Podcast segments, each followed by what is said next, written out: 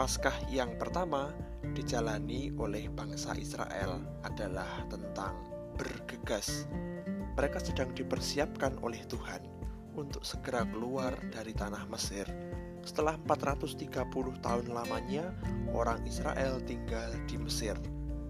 Setelah Tuhan menurunkan tulah bagi Mesir, akhirnya penguasa Mesir melepaskan orang-orang Israel untuk pergi.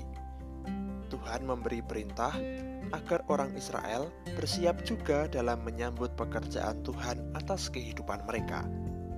Orang Israel diperintahkan untuk mengambil seekor anak domba per rumah tangga.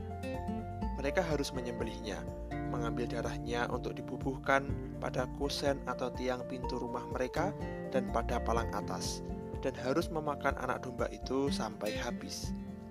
Keluaran 12 ayat 10 sampai 11. Janganlah kamu tinggalkan apa-apa dari daging itu sampai pagi. Apa yang tinggal sampai pagi, kamu bakarlah habis dengan api.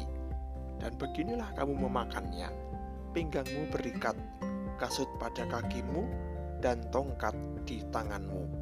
Buru-burulah kamu memakannya. Itulah Paskah bagi Tuhan.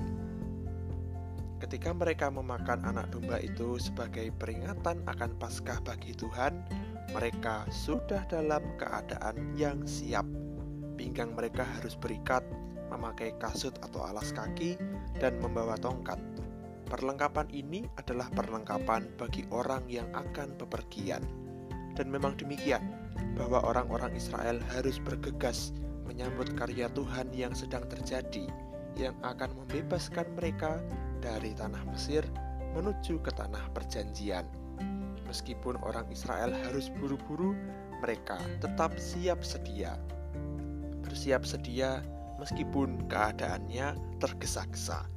Tuntunan dan karya Tuhan dapat terjadi kapan saja dengan segera, sehingga tidak ada hal lain yang orang Israel lakukan selain bersiap dan bergegas.